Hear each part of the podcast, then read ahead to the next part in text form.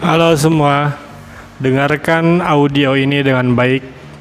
Kemudian tuliskan informasi penting atau kesimpulan dari teks yang telah kamu dengar. Iguana Hewan yang dapat berubah warna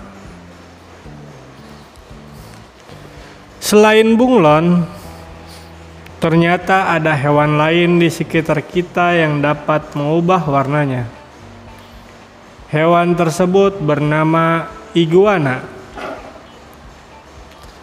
Sama seperti bunglon, iguana juga dapat mengubah warna tubuhnya untuk melindungi diri dari musuh.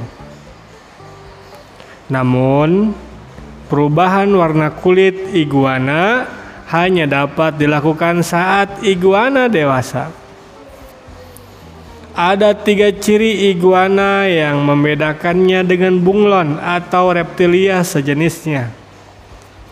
Pertama, ukuran tubuh. Ukuran tubuh iguana cukup besar dan panjang. Saat dewasa, seekor iguana dapat tumbuh dengan panjang mencapai 1 sampai 2 meter. Hal itu sangat jauh berbeda dengan bunglon yang hanya bisa tumbuh hingga 5,5 cm. Ciri khas kedua yaitu gelambir. Iguana memiliki gelambir di bawah mulutnya. Ukuran gelambir iguana bahkan bisa melebihi ukurannya. Sementara ciri yang ketiga yaitu duri.